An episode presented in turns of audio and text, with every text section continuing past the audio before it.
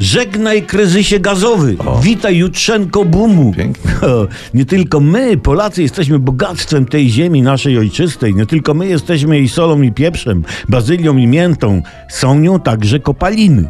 O węglu wiemy, ale oto gruchnęła wieść, że na Lubelszczyźnie ludzie powinni szykować burnucy, kwety i miejsca na willę z basenem. Właśnie na Lubelszczyźnie koło Biłgoraja odkryto pokaźne złoża gazu.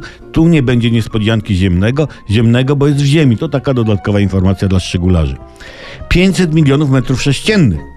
To jest ilość, która może zaspokoić każdego, nawet najbardziej wymagającego użytkownika kuchenki gazowej i najbardziej zagorzałych fanów gazowych piecyków łazienkowych.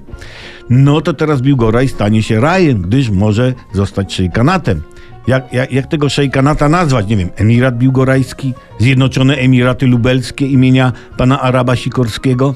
No, nie, coś trzeba wybrać. W każdym razie zmieni się Lubelszczyzna i Biłgorajszczyzna. Wieżowce, sztuczne wyspy, wakacje celebrytów, kary za homoseksualizm i tak dalej, i tak dalej.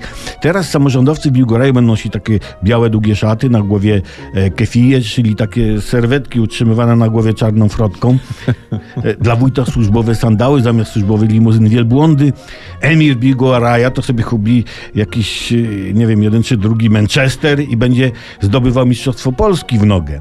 A Platforma Obywatelska na Lubelszczyźnie zmieni nazwę na Platforma Wiertnicza. Będzie na bogato, słuchajcie, będzie na bogato, co przełoży się na cały kraj. PKB Polski tak strzeli w górę, że jakby co, to trafi ruskie samoloty. No to co, kochani, gaz do dechy. Fajnie jest.